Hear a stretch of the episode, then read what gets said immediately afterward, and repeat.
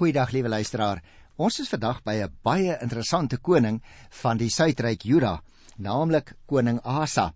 En daarom wil ek graag 2 Kronieke 15 en 16 so 'n bietjie met jou bespreek en ook die eerste versie van die 17de hoofstuk.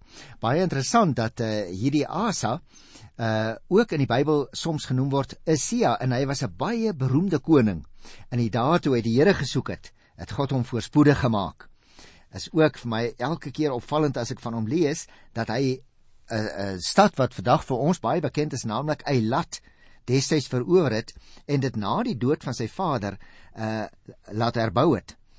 Ook het hy sy oorwinnings behaal oor die Filistyne en die Arabiere en die Mennoniete en die Ammoniete en hy het ook Jerusalem versterk in die landbou bevorder, maar ek gaan nog meer mee daaroor praat wat ek ook net wil uitwys terwyl ons nou met hom begin. Toe hy sterk geword het, het hy baie hoogmoedig geword. En hy het probeer om offers op die reukofferaltaar aan die brand te steek. En as straf is hy met melaatsheid geslaan en hy tot die dag van sy dood toe in afgesonderde huis moes woon terwyl sy seun Jotam eintlik die regerder op die troon was. Ek dink 'n mens moet as jy by 2 kronieke die 15de hoofstuk kom 'n paar goed in gedagte hou ook oor hierdie verhale liewe luisteraar. En daarom wil ek 'n paar opmerkings stel oor maak want jy sal sien In hierdie volgende fase van Asa se lewe is rus en vrede dink ek die mees uitstaande kenmerk van sy regeertyd. Hy het sy onderdane en selfs ook gelowiges van buite Juda tydens die oesfees in Jerusalem laat bymekaar kom. En hierdie byeenkoms was die regstreekse gevolg van die verkondiging van die profeet Asaria. Hy het die ou ou boodskap verkondig. Die Here is by die wat by hom is. Maar aan die ander kant Hy is ver van die wat ver van hom af is. En nou onder koning Asa se leiding het die gemeente opnuut 'n verbond met die Here gesluit en met 'n eed beloof om naby die Here te bly. Alles wat hulle van die Here kan weghou, ook die afgodsbeelde wat Asa se ouma nog laat maak het, het Asa uit Juda laat verwyder. Al vereis die wet van God eerbied vir die ouers en grootouers, liewe luisteraar, het Asa nie toegelaat dat sy ouma wat die Here nie gedien het nie en die weg van die verhouding met God gestaan het wat homself betref nie. Hy onthef haar uiteindelik as koninginsmoeder. Met ander woorde, sy het nou nie meer invloed nie en hy gee voorkeur aan sy gehoorsaamheid aan die Here. Jy kan gerus gaan lees in Lukas 14 by vers 26 en ook ander uitsprake wat die Here Jesus gemaak het dat hy sê daar kom 'n punt somtyds in sommige Christus gelowiges se lewe dat ons die Here meer gehoorsaam moet wees as diegene wat ons in ons diens aan die Here teestaan. En Asa is 'n baie goeie voorbeeld daarvan. Asa se gehoorsaamheid aan God en sy volkomme toegewydheid aan die Here het vrede in sy lewe en in sy koninkryk gebring. Daarom wil ek so 'n bietjie anders doen as die ander kere en ek wil so 'n bietjie breër met jou gesels oor hierdie 15de hoofstuk van 2 Kronieke. Vir die verstaan weet ons nou al van die boek Kronieke is die agtergrond van groot belang. En ek sê dit veral aan die adres van mense wat miskien vandag vir die eerste keer inskakel op ons program. Ons moet onthou dat die kroniek boek afkomstig is uit Levitiese kringe. Hulle skryf uit die tyd na die ballingskap. So ongeveer jaar 350 voor Christus sou sou ek sê, en elke keer vanuit 'n bepaalde gesigshoek wat ons nie moet miskyk nie. Die grootse verlede en veral die figuur van koning Dawid en God se beloftes aan hom is vir die lesers en vir die skrywers baie belangrik. Alles word dan ook vanuit 'n gesigshoek benader van geloof of ongeloof. Konings word ook beskryf as gelowig en gelukkig of ongelowig en ongelukkig. nou hier in uh, eh, 2 Kronieke die 15de hoofstuk word vertel van koning Asa, hy het so rondom in ronde syfers rondom die jaar 900 voor Christus gelewe. En die kronikus teken hom vir ons in die Bybel as die eerste groot hervormer in die geskiedenis van die suidryk Juda. Asa was 'n hervormer op militêre terrein, as jy dit sou wou lees in Hosea 14, en ook op godsdienstige terrein waaroor ek vandag so 'n bietjie met jou wil praat. Nou is dit vir my 'n aangrypende hoofstuk, liewe luisteraar, van hoe dat God ingryp in mense se lewens wanneer daar teruggekeer word na die beloftes wat hy vir ons in sy woord gee. Luister so 'n bietjie na die eerste vers. Die Gees van God het oor Asaria die seun van Odet gekom. Dit begin dus eintlik alles wanneer die gees van God in hierdie man se lewe begin werk voordat hy met sy hervormingsgawe begin. Immers luisteraars, hervorming het altyd sy oorsprong by God hoor. Dis die Heilige Gees wat van Asaria besit neem. Ons weet van hierdie man eintlik nie vreeslik baie nie. Hy kom in hierdie reëls te voorskyn uit die grysse verlede en hy verdwyn eintlik dadelik weer. Maar een ding sal ons nooit weer van hom kan vergeet nie. Hy word die spreekbuis van die almagtige God wanneer die Heilige Gees hom gryp en sy hart vol lê van 'n boodskap.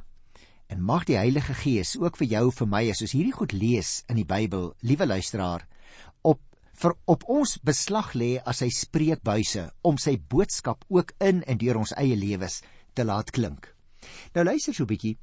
Uh wat hierdie Asaria, die profeet nou, dit koning Asa tegemoet gegaan en vir hom gesê: "Luister na my, Asa en alle manne van Juda en Benjamin. As julle by die Here is, sal hy by julle wees. As julle na hom vra, sal hy hom deur julle laat vind. Maar as julle hom verlaat, sal hy julle ook verlaat." Jy sien liewe luisteraar, Asaria gaan koning Agas tegemoet juis wanneer hy van die slagveld af terugkom toe hy opgetrek het teen die Kassiete. Die militêre hervormer het met sy taak begin ja, maar nou lê die verandering van hart voor die godsdienstige hervorming.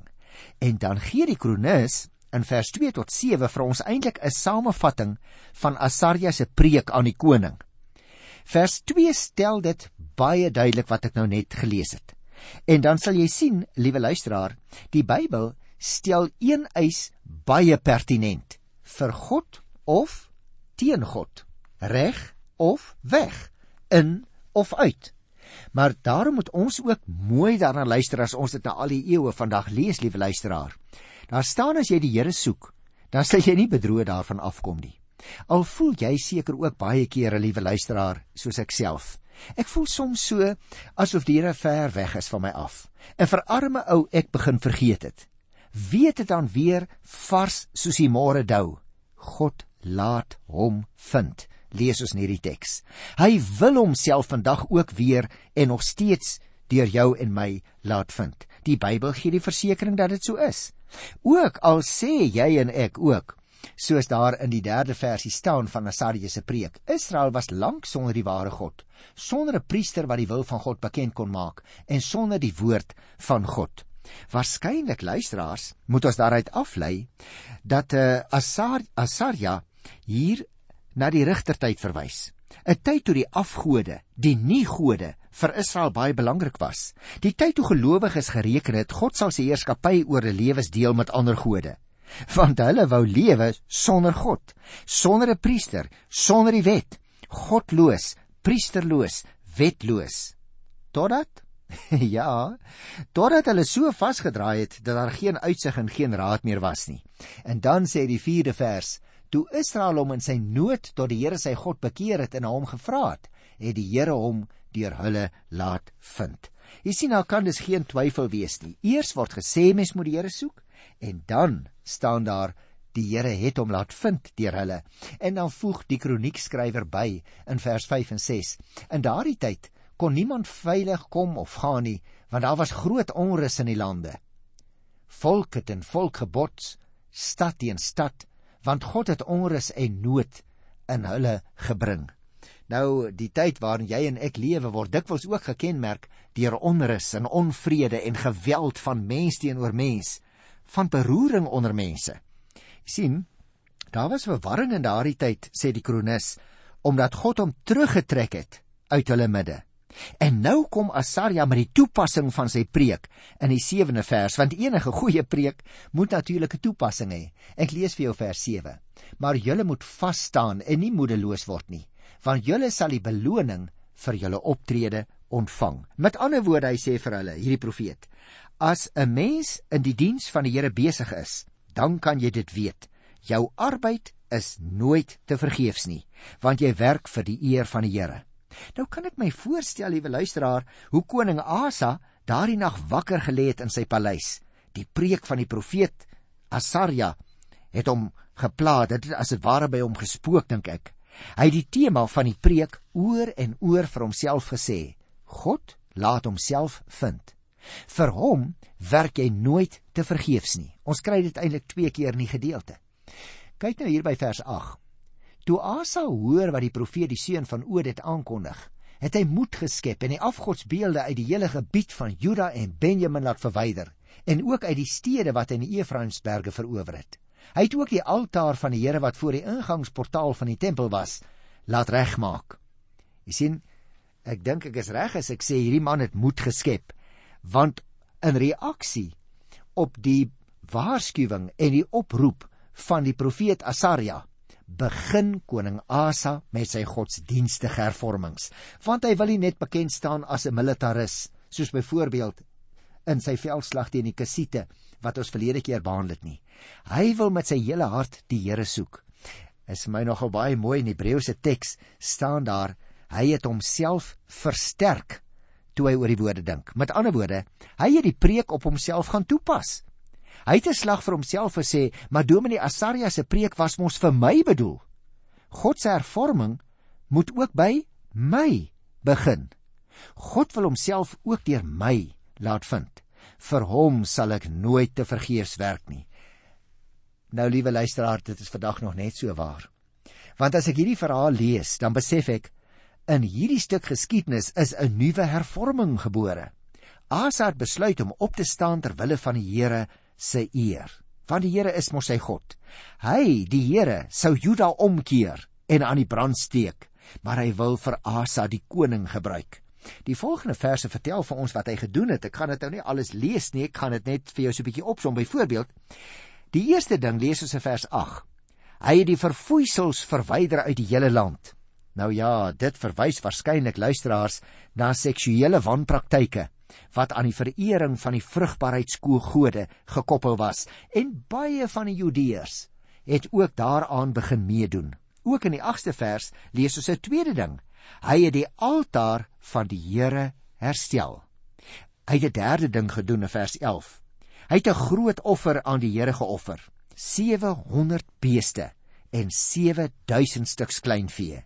Kan jy jou dit voorstel? Dit moes 'n geweldige gebeurtenis daar in Jerusalem gewees het, nie waar nie? Die 12de vers sê vir ons 'n vierde ding. Hy het die verbond met God hernu. 'n Vyfde ding in vers 14. Hy laat die volk sweer onder gejuig en die trompette en basuine wat klink. 'n Sesde ding in vers 16. Hy het korte mette gemaak met sy goddelose moeder. Eintlik het ek net nou vir jou verduidelik, dit was heel waarskynlik sy ouma deur haar uit haar amp te onthef. En dit was 'n geweldige daad van hervorming in daardie tyd, liewe luisteraars, want destyds was die gebiedster, in Hebreëus is dit genoem die Gebira, die mag agter die troon. Maar omdat hierdie vrou die Here nie dien nie, besluit koning Asa hy moet van haar ontslaa raak. Hy onthef haar. Hy het 'n sewende ding gedoen in vers 16. Haar afgode het hy vernietig en in die Kedron vallei het hy dit verbrand. Ons lees van 'n agste dinge vers 18. Hy het weer silwer en goud ingebring in die huis van die Here. En skielik, liewe luisteraar, kan ek my voorstel, skielik was dit in die land asof die gees van die Here vaardig geword het oor almal, want die voorganger, die die koning, die verteenwoordiger van die Here in daardie tyd, want onthou dit was 'n teokrasie, het begin om die Here te dien.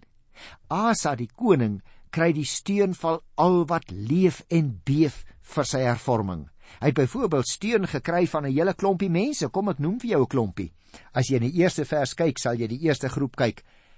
Asarja die profeet. Met ander woorde, uit die profete groep was daar mense wat hom begin navolg het om die Here met nuwe toewyding te dien. Ons lees van 'n tweede ding in sy godsdienstige hervorming en die reaksie daarop in vers 9. Sy onderdane uit die geleedere van die stamme Juda en Benjamin en begin om die Here te dien. Ons lees 'n derde ding ook in vers 9. Die burgers van die staat Israel wat blykbaar om godsdienstige redes die noordryk verlaat het en liewer as vreemdelinge kom vertoef het hier in die suidryk Juda. Hulle begin ook nou na vore kom. Dit blyk dat daar ook in die noordryk waar die Here nie gedien is nie. Mense was wat hom gedien het en nou kom hulle na die suidryk toe. Ek dink so dikwels as ek so iets lees in die Bybel aan ons eie voorouers wat juis om godsdienstige redes ter wille van godsdienstige vryheid destyds hier na die suidpunt van Afrika gekom het. Daar was nog ook 'n ander groep wat die Here begin dien het toe hulle sien die koning dien die Here. 'n Vierde groep, ons lees vir hulle in vers 10 en vers 11, naamlik die Jerusalemse priesters. Met ander woorde luisteraars, daar was die duisende wat net gesit en wag het op leiding om 'n geesgenoot wat vir die Here uitstaan te sien wat hulle kan voorgaan. En wie jy luisteraar, jy en ek het dit ook al ondervind. As 'n mens getuig, dan is daar altyd hier en daar kritiek op jou, maar daar is ook baie wat dit dadelik sê. Ek glo ook. Ek wil die Here ook in gehoorsaamheid dien elke dag van my lewe. En nou mag jy vir my vra, nou broer Johan, jy sit nou daar agter die mikrofoon. Wat van hierdie hervorming wat hierdie dominee Asaria van Stapel gestuur het? En wat van die koning? Was Asa nou in alles maar net suksesvol en voorspoedig nou dat hy die Here begin dien het? nee. Nee, liewe luisteraar, dit werk nie so nie. 'n Mens begin in elk geval nie die Here dien sodat jy sukses kan haal nie. Dit is 'n toegif, maar jy kan nie bymotiewe hê nie. Jy moet die Here begin dien onvoorwaardelik omdat hy die Here is. Hoewel Asa dan ook 'n groot hervormer was, was hy mos ook maar net 'n mens, net soos jy en ek vol foute en tekorte en daarom wanneer die kronikus op Asa se lewe terugkyk en daaroor verslag doen, dan sien hy ook bepaalde foute in die koning se lewe. Byvoorbeeld uit vers 17 blyk dat die hoogtes nie verwyder is uit Israel nie. Met ander woorde, hoewel Asa sy bes gedoen het, het daar tog ook dinge in die land oorgebly waarvan hy nie bewus was nie. Maar sy hart, so kom ons agter vers 17b, was volkome in al sy dae. Van sy kant af het hy sy bes gedoen. Hy het die Here gesoek. Hy het vir die Here gewerk. Hy het God se eer gesoek. Hy het 'n slag die preek van die profeet op homself van toepassing gemaak en hy het daarom gehoorsaam geword. Nou as jy en ek na hierdie gedeelte luister en miskien lê jy daar op 'n siekbed dalk ry jy in 'n motor Dan wil ek vir jou vra sal sal jy en ek nie ook vandag weer 'n slaggie die woord van die Here op onsself van toepassing maak en dit begin uitleef nie. Jy sien ons luister so dikwels na 'n boodskap. Ons luister na die getuienis van 'n medebroer of suster en oombliklik begin ons daardie ene kritiseer. Nee, luisteraar. Neem vir God op sy woord wat sê God laat homself vind. Vir hom werk jy nooit te vergeefs nie. Eintlik sou ek nou maar kon sê, kom ons sluit die program af. maar daar is nog 'n praktiese vraagie oor. Jy mag dalk vir my sê, nou Brian, nou glo ek. Nou terwyl ek uh, hier na die program luister, dit is vir my maklik. Nou is ek baie seker van my eed dat ek vir die Here wil werk en wil lewe, dat ek net soos koning Asa destyds al die afgode my lewe wil weggooi op die vullishope van hierdie wêreld waarin ons woon. Maar môre, môre is die probleem eintlik. As ek weer daar in die werk staan en die hervorming moet daar deurgevoer word deur my eie lewe en deur my getuienis, dan dan weet ek gaan my moed my dalk begewe. Dan is ek alleen daar staan voordat iemand nog wil reageer, dan besluit ek dadelik maar my getuienis is nie moeite werd nie. Hoor jy liewe luisteraar, in die Kedronvallei was daar nie net 'n vullishoop nie. In die Kedronvallei is daar ook 'n tuin. Dit is vandag nog daar miskien nie dieselfde plek nie, maar jy kan daarna gaan kyk daar. Die naam van daardie tuin is Getsemane. Dit is daar dat die Here Jesus Christus een donderdag aand ure alleen geworstel het. Dit is daar in dieselfde Kedron vallei van Asa dat hulle hom soos 'n stuk vuil goed opgetel het om hom te gaan kruisig. Daar naby die vullishoop in die tuin het hulle Jesus gevind sodat jy en ek weer vir God kon vind. Neem die Here op sy woord ook dit wat ons hier lees vandag. Skep weer moed en sê dit saam met my. In Christus Jesus het God homself laat vind deur jou en deur my. Ja, vir hom werk en lewe jy en ek nooit te vergeefs nie, liewe luisteraar, en ek dink dit moet ons nie miskyk in hierdie gedeelte nie. En dit bring my dan by die 16de hoofstuk, maar daaroor wil ek net enkele aantekeninge maak uh, want jy kan dit eintlik self gaan lees want daar kry ons die verhaal hoe dat Asa op 'n dag 'n verbond gesluit het met die Arameërs. Nou waaroor gaan dit daar? Jy sien, ek het net nou alreeds dit geïnsinieer en nou wil ek dit uitwys. Dit het ongelukkig nie altyd net goed gegaan met Asa nie. Hy het nie altyd net die Here gedien nie. Daar was ook dieptepunte. Daar het 'n verandering gekom in sy lewe. Na soveel jare van troue toewyding aan die Here het Asa sy God begin vergeet. In sy stryd teen koning Baesa van Israel het Asa die Arameërs om hulp begin vra en nie die Here nie. En dit was 'n teken luisteraars van die proses van innerlike verval wat reeds aan die gang was op daardie stadium.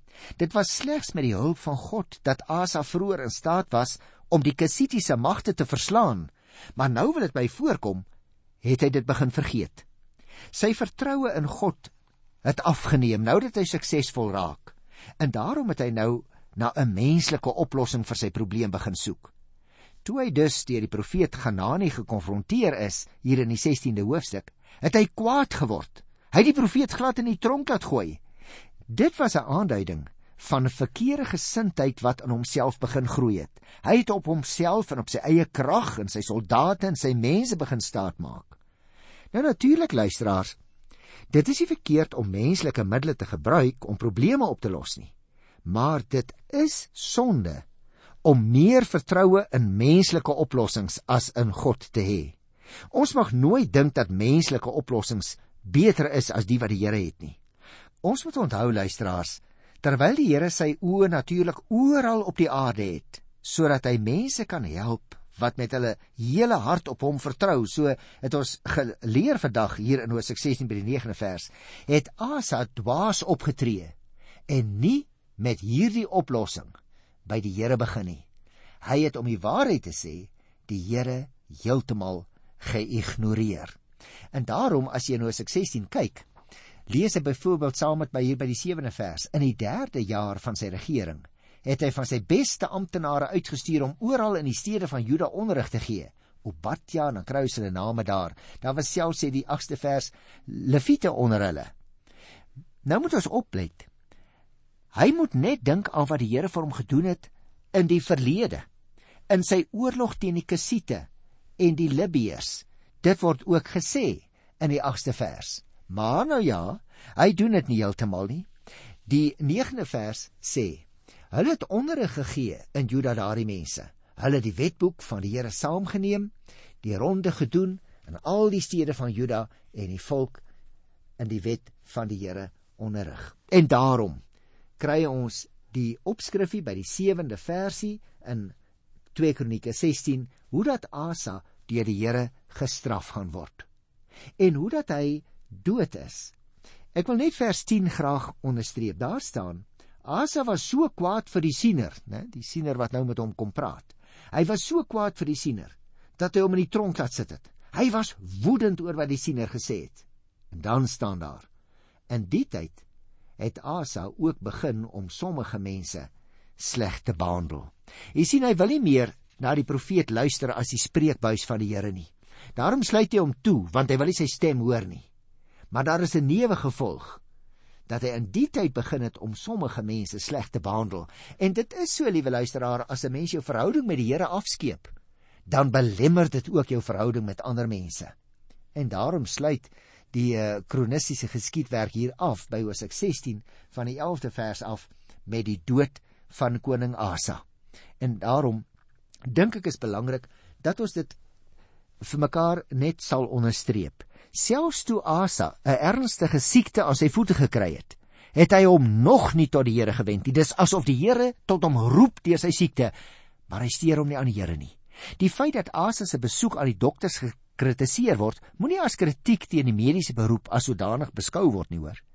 Asa se probleem het daarin gelê dat hy die hulp van die Here geïgnoreer het. Hy het gaan hulp soek by mense wat met die okkulte geheel het en voorgegee het om mense met boaardse magte te wees. En aan die einde van sy lewe word Asa dan so Saul wat na 'n dode besweerster gegaan het. Daar in 1 Samuel 28, jy sal dit nog onthou. Net so Saul word Asa nou ook 'n mens sonder God en hy sterf net so Saul in oneer.